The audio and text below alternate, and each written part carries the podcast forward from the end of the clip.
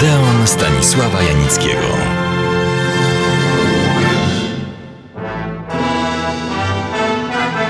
Dzisiaj, nareszcie, o obiecanym Klausie Kińskim, geniuszu czy potworze, a zapewne jednym i drugim jednocześnie. Zacznę od jego życiorysu, bo warto wiedzieć, o kim będzie mowa. O jednym z najwybitniejszych aktorów ekranu, ale także teatru niemieckiego i światowego. Ciekawostka dla nas. Nazywał się w pełnym brzmieniu Klaus Günther Karl Nakczyński. Urodził się w październiku 1926 roku, rówieśnik Andrzeja Wajdy, i tu zaskoczenie, w Sopocie.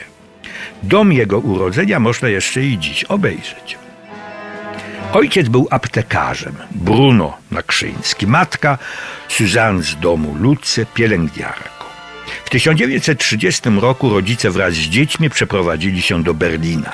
Klaus Kinski pojawił się na ekranie po raz pierwszy w 1948 roku w filmie Morituri. Potem grał w głośnym niemieckim filmie rozrachunkowym Dzieci, Matki i Generał. W tym samym 1955 roku w głośnym filmie Isztwana Sabo Hanusen o jasnowidzu, który zrobił w hitlerowskich Niemczech ogromną karierę.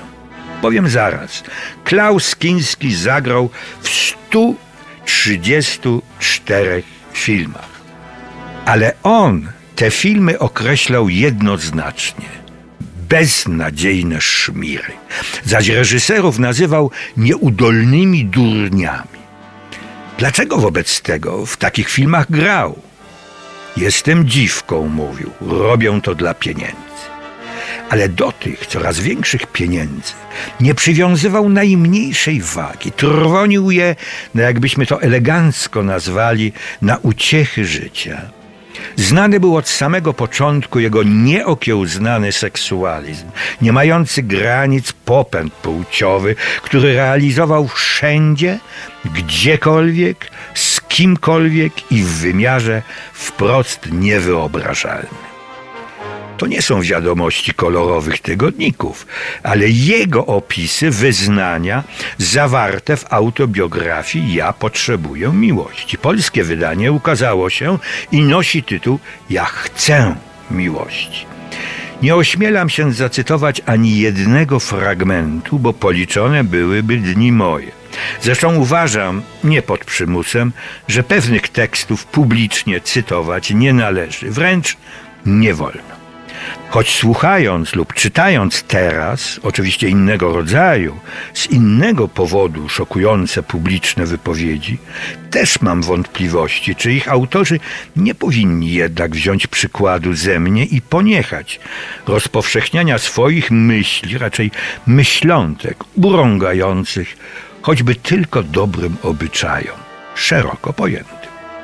Co to ma wspólnego z Klausem Kińskim? Zaraz powiem. Przed laty zrobiłem film, nie chwaląc się wcale niezły, o katolickim męczenniku, dziś już świętym Śląska Cieszyńskiego, to moja mała ojczyzna, i Moraw. Dokumentów tyle, co kot napłakał. Wpadłem na pomysł, żeby ów Jan Sarkander rozmawiał z Panem Bogiem. Posłużyłem się psalmami rozmawiał nie na klęczkach, choć był zwykłym proboszczem. Stał wyprostowany, bo w końcu to on, wszechmocny, stworzył go na podobieństwo swoje.